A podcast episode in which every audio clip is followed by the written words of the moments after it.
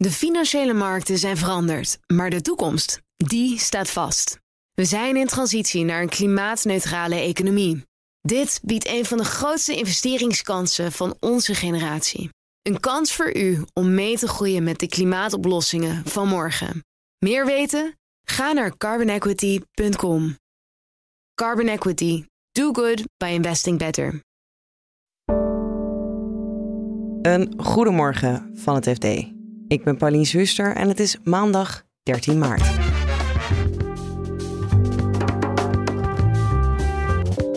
Bijzonder hoogleraar Ad van Wijk pleitte steeds maar weer voor waterstof. Dan is het toch wel belangrijk dat je weet dat die betaald wordt door een partij die belang heeft bij diezelfde waterstof, namelijk Netbeheer Nederland.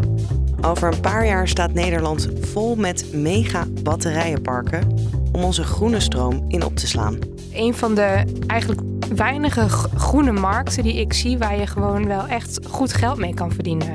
En de rechten van grote Sinatra-hits zijn nu in Nederlandse handen.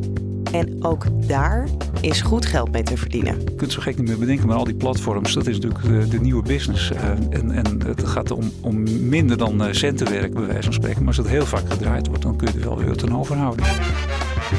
Dit is de dagkoers van het FD. Bijzonder hoogleraar Ad van Wijk, ook wel bekend als de waterstofhoogleraar, is jarenlang in stilte betaald door de lobbyclub van de Nederlandse gasnetbeheerders. Dat blijkt uit onderzoek van redacteuren Jasper Been en Ardy Vleugels naar de financiering van hoogleraren. Je hoort Ardy. In dat onderzoek kwamen we eigenlijk soort van toevallig ook Ad van Wijk tegen, omdat we eigenlijk dachten in eerste instantie dat hij door een andere partij uh, werd betaald. En toen bleek dat Netbeheer Nederland te zijn. En dat was uh, wel verrassend, want het was eigenlijk nergens uh, te vinden. Niet in zijn wetenschappelijke publicaties en niet online. Dus toen zijn we daar verder naar gaan kijken. Ja, en voor iedereen die Ad van Wijk niet kent, waarom is het interessant om te weten door wie hij wordt betaald? Nou, het is bij iedere hoogleraar uh, interessant om te weten wie hem betaalt, omdat er een landelijke gedragscode is die voorschrijft dat je daar transparant over moet zijn. Um, maar wat het bij hem extra interessant maakt, is dat hij um, uh, doet onderzoek naar waterstof. En hij wordt betaald door Netbeheer Nederland. En Netbeheer Nederland, dat is een belangenorganisatie. En zij hebben er belang bij dat dat waterstof wordt omarmd in Nederland, uh, omdat dat in het huidige gasnetwerk geïntegreerd kan worden. Dus in die zin is het een partij met een direct belang bij het thema, zeg maar. En deze man, Ad van Wijk, die treedt heel vaak op in de media, maar ook uh, in de Tweede Kamer, als onafhankelijk hoogleraar die pleit voor waterstof. Dan is het toch wel belangrijk dat je weet dat die betaald wordt door een partij die belang heeft bij diezelfde waterstof, namelijk Netbeheer Nederland. En er werd dan nooit ergens gemeld, niet ergens verstopt op de website van de universiteit of waar dan ook? Wij hebben het niet kunnen vinden en toen hebben we de universiteit TU Delft gevraagd kunnen jullie ons dan een voorbeeld geven van een wetenschappelijke publicatie waarin dat wel staat? Nou, en die uh, zeggen, we hebben gezocht en gezocht, maar we hebben dat niet gevonden. Ja, en wat vinden ze daarvan? Hoe uh, verantwoorden ze dat, dat dat nergens stond? Nou, zij zeggen dat ze um, het geen schending van de integriteit vinden, omdat het om een lobbyclub gaat. En zij zeggen, kijk, als het één bedrijf was geweest, dan waren die belangen veel dichter bij elkaar geweest. Dit is een groep van bedrijven in een organisatie. En dus is dat risico kleiner. Maar ja, de integriteitscode is heel duidelijk. Je moet gewoon transparant zijn over je financiers. En die, die code die gold al in de tijd dat die afspraken werden gemaakt tussen Van Wijk en Netbeheer Nederland. Dus daar is eigenlijk helemaal geen reden voor om dat uh, niet te doen. En we hebben ook eerder in het onderzoek bijvoorbeeld ook minister Dijkgraaf gesproken. En die zei ook, ja, er zijn ook echt geen excuses meer om dat niet te doen. En dit is ook niet een excuus wat zeg maar uh, hout snijdt dan in die zin. En ik vind het ook een lastig argument dat je zegt, ja, het is niet één bedrijf, maar het zijn uh, verschillende bedrijven bij elkaar in een club. Omdat toch, je gaat ervan uit dat als je zo'n waterstofhoogleraar, zoals hij dan wordt genoemd, uh, zegt, waterstof is heel belangrijk, dat er, nou ja, dan zou ik wel willen weten dat hij dus deels wordt gefinancierd door zo'n club. Nou ja, exact. Dat is ook het hele punt. En we hebben het ook nog even gevraagd aan een hoogleraar integriteit. Van goh, hè, hebben we dat nou helemaal goed begrepen? Uh, en die zei ook van ja, het is natuurlijk gewoon onzin om te zeggen het is een lobbyclub en geen bedrijf en dan geldt het niet. Dat argument gaat helemaal niet op. Je moet gewoon transparant zijn over wie je betaalt. Punt. En wat zei Ad van Wijk er zelf over? In eerste instantie was zijn reactie dat hij ehm, ja, eigenlijk zich eigenlijk van geen kwaad bewust was. Omdat hij zei, ja, ik ben niet verplicht om te melden in de wetenschappelijke publicatie dat mijn leerstoel gefinancierd wordt door een bepaalde partij. Ik hoef dat alleen te doen als mijn onderzoek gefinancierd is door een, betaald, door een andere partij. Maar ja, dat is niet zo. In de code staat gewoon helder. Je moet gewoon helder zijn over wie jij, jou betaalt en over je nevenfuncties. Maar hij benadrukte er wel meteen bij dat hij zich nooit heeft laten beïnvloeden. Dus zijn onafhankelijkheid stelt hij buiten kijf. Hij zegt zowel in onderzoek of in uitlatingen heb ik me nooit op enige manier um, laten leiden door uh, Netbeheer Nederland. Dus laat dat duidelijk zijn. Achteraf gezien zeggen zowel hij als de universiteit zeggen ja, misschien hadden we dat wel beter, transparanter moeten doen. Ja, want even voor de helderheid met het onderzoek zeggen jullie niet dat hij nou ja, per se in de zak zat van een lobby of iets dergelijks, maar gewoon dat we niet wisten dat hij door hem betaald werd. Nee, totaal niet. Maar het hele punt is, en dat zei minister Dijkgraaf ook toen in gesprek met ons, je wilt ook niet de illusie omhoog houden dat dat wel zo is. En juist daarom moet je heel erg duidelijk zijn over wie jou betaalt. En dat is hier niet gebeurd. Dus het gaat er niet om dat hij beïnvloed is of niet, maar wel dat hij er niet helder over is geweest. En dan gaan we naar Arnhem. Daar maken ze superbatterijen om groene stroom in op te slaan. Redacteur Klimaatbeleid Orla McDonald ging er langs. Helemaal achterin zit een klein bedrijfje dat heet Elestor. En zij bouwen uh, zogeheten flow-batterijen. Dat zijn batterijen op basis van grondstoffen waarmee je energie voor drie tot misschien wel zes dagen op kan slaan. Ze halen eigenlijk stroom uit um, een windmolen, dus groene stroom. En die slaan ze op in waterstofbromide in de vorm van een vloeistof. Um, en dat maakt dat je die energie langer op kan slaan en dus weer kan gebruiken uh, op het moment dat je het nodig hebt, maar die windmolen bijvoorbeeld niet werkt omdat het niet waait. En waarom vond je dit zo interessant om heen te gaan?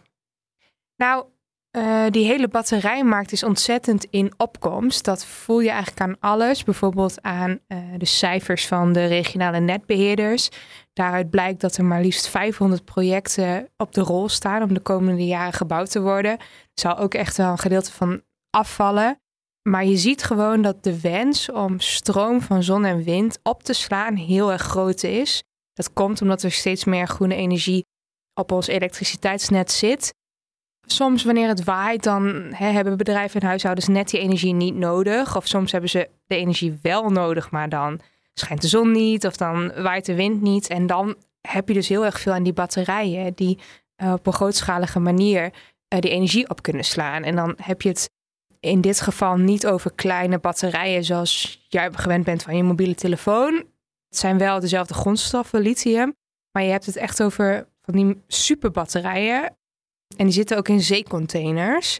En die staan dan met nou 20 tot 40 tegelijkertijd op een veld. Dus je hebt echt eigenlijk een soort ja, batterijpark, kan je het eigenlijk noemen. Nou kwam gisteren Alliander, de netbeheerder, als eigenlijk de zoveelste in rij met weer een waarschuwing over onze volle stroomnet. Zelfs dat het huishoudens zou kunnen gaan raken. Los je daarmee dat probleem ook op met die superbatterijen? Ja, het kan wel helpen, omdat het het net heel erg kan ontlasten. Er hoeft niet constant stroom op het net te zitten als je ook een beetje op kan slaan op zo'n batterij. Nadeel is wel dat zo'n batterij zelf ook een aansluiting nodig heeft op dat net de hoogspanningsnetbeheerder Tennet zegt wel van ja, kijk nou of je misschien die batterijen eerder aan kan sluiten dan bedrijven of huishoudens. Om dan in ieder geval uh, een beetje ruimte te maken op dat net. En hoe ver, hoe groot is deze markt nu al? Nou, in Nederland staan er nu ongeveer 10 projecten. Dat is eigenlijk nog best wel weinig.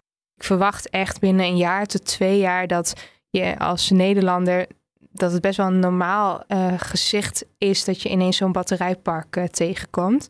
In Engeland staan echt al 160 projecten te draaien. Daar zien ze al langer dat dit een uh, goede markt is. Het komt ook een beetje omdat Engeland een uh, eiland is. Dus die kunnen niet heel makkelijk stroom importeren. Die hebben ook best wel veel windparken, dus de noodzaak was, was er daar al langer. En het is ook wel een van de eigenlijk weinige groene markten die ik zie waar je gewoon wel echt goed geld mee kan verdienen. Ontwikkelaars van batterijparken krijgen nu geen subsidie. Um, en toch springen ze er allemaal massaal in. Het kapitaal in die markt neemt toe. Nou ja, het aantal projecten neemt toe. Um, dat komt omdat als je het een beetje slim speelt en je je elektriciteit goed in en verkoopt als ontwikkelaar, dat je dan toch wel binnen vijf jaar zo'n batterij, uh, de investering in zo'n batterij terug hebt verdiend. En dat is best wel snel voor, een, uh, voor de groene economie. En zo'n project waar jij dan uh, bent geweest nu, is, zit dat ook al bijna op nou ja, dat je dat echt op grotere schaal kan gaan toepassen? Nee, in Nederland niet. In Amerika zie je her en der wel van dat soort flow-batterijen. Want die batterijen die nu op de markt komen, die lithiumbatterijen, die slaan energie op tot een uurtje of vier. Nou ja, en die flow-accu's die zijn dan echt voor meerdere dagen. En dat kost meer ruimte eigenlijk, die er in Nederland niet echt is. Maar ook zijn Europese investeerders nog een beetje huiverig. Je moet zich allemaal nog een beetje bewijzen. Je hebt te maken met andere grondstoffen. Waar haal je die dan vandaan? Maar experts verwachten wel dat die flow-accu's toch nou, over vijf jaar, vijf à tien jaar ook de markt op gaan. Ja, ze hebben gekocht een uh, catalogus met vooral hits van Frank Sinatra. En ook een uh, prachtig nummer van Dean Martin zit er, uh, zit er ook in. Maar Sinatra die heeft ook aan de basis gelegen van de uitgeverij. Waarin al die songs zaten. En ja, een hele bekende is Come Fly With Me. If you can use some exotic booze, there's a bar in far Bombay. Come on. Ook Nancy with a Laughing Face opgedragen en zijn dochter Nancy. En uh, Time After Time is ook een schitterend nummer van Sinatra, allemaal uit de jaren 50. De, de iets vroegere Sinatra, uh, maar ook weer niet de allervroegste toen hij hele zoete liedjes zong. Ja. Het is een schitterende catalogus die ze hebben gekocht. Dit is Job Wout, die vertelt over een Nederlands beleggingsfonds dat de muziekrechten in de Barton Music catalogus heeft gekocht. Vernoemd naar componist Ben Barton. Eh, dat was de, de muziekuitgever waar uh, Sinatra zaken mee deed. Dan was er ook nog uh, Hank Sanicola, uh, dat was zijn manager. Met z'n drie hadden ze, hadden ze de muziekuitgeverij in handen en konden ze die liedjes ook exploiteren. Want Sinatra was natuurlijk niet alleen een goede zanger, maar hij was ook, had ook een behoorlijk zakelijk instinct. Ja, en de mensen met het zakelijke instinct die het nu hebben gekocht, de Pythagoras Music eh, Fund, wie zit daarachter? Een van de vijf is uh, uh, John Eubank. En dat is, hij is bekend omdat hij bijvoorbeeld de liedjes heeft geschreven van Marco Borsato. Er zitten ook andere mensen die in de Nederlandse muziekindustrie hun sporen hebben verdiend. En ja, die hebben met z'n vijven zo'n fonds opgericht. Pythagoras Music Fund. En daar, daar, kunnen beleggers dan hun geld in steken in de hoop dat ze daar weer meer geld uit kunnen halen. Dat is eh, eigenlijk de gedachte. Ja, en is dat ook echt zo? Of is het gewoon, zijn het muziekliefhebbers met uh, te veel geld en een dure hobby? Nee, nee het is natuurlijk echt uh, business. En, en daar, ze zitten er ook weer zelf met geld in trouwens. Hoor. Maar ze hopen daar natuurlijk dat, dat ze ook voor de, de beleggers een rendement kunnen bieden. Dat aantrekkelijk is. En ze zien in die muziekrechten ook echt wel een, een, een business Laten we wel zijn. Dat was een industrie die een tijd lang helemaal in het verdomhoekje zat. En tegenwoordig eigenlijk met de komst van Spotify is daar, een, is daar weer een soort nieuw verdienmodel ondergekomen. Een trits uh, van uh, inmiddels meer dan bejaarde popartiesten gehad. Die hun rechten voor vele honderden miljoenen soms hebben verkocht. Bob Dylan is een mooi voorbeeld. Ik dacht dat het 200 miljoen was, maar ik geloof dat er zelfs ook 300 miljoen eventjes werd genoemd als een bedrag dat, dat hij hiervoor zou hebben gekregen. Die had dan zijn hele oeuvre had hij, heeft hij verkocht. Ja.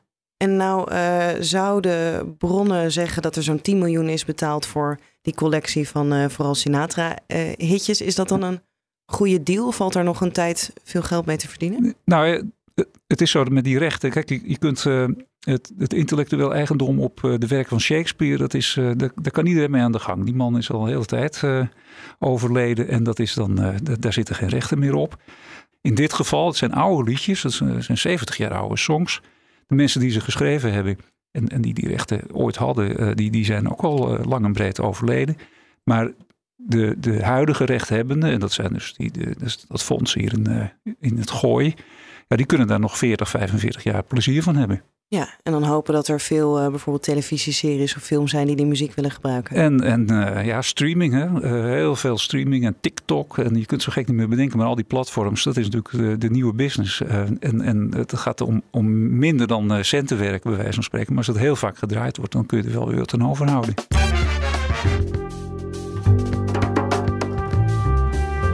Dit was de dagkoers van het FD. Wil je nou meer horen over muziekrechten? Kijk dan even in de show notes. Daar vind je een linkje naar een oude aflevering van De Week Voorbij, onze weekendpodcast. Die ging toen over het onderwerp muziekrechten. Morgenochtend vind je in deze feed weer een nieuwe dagkoers.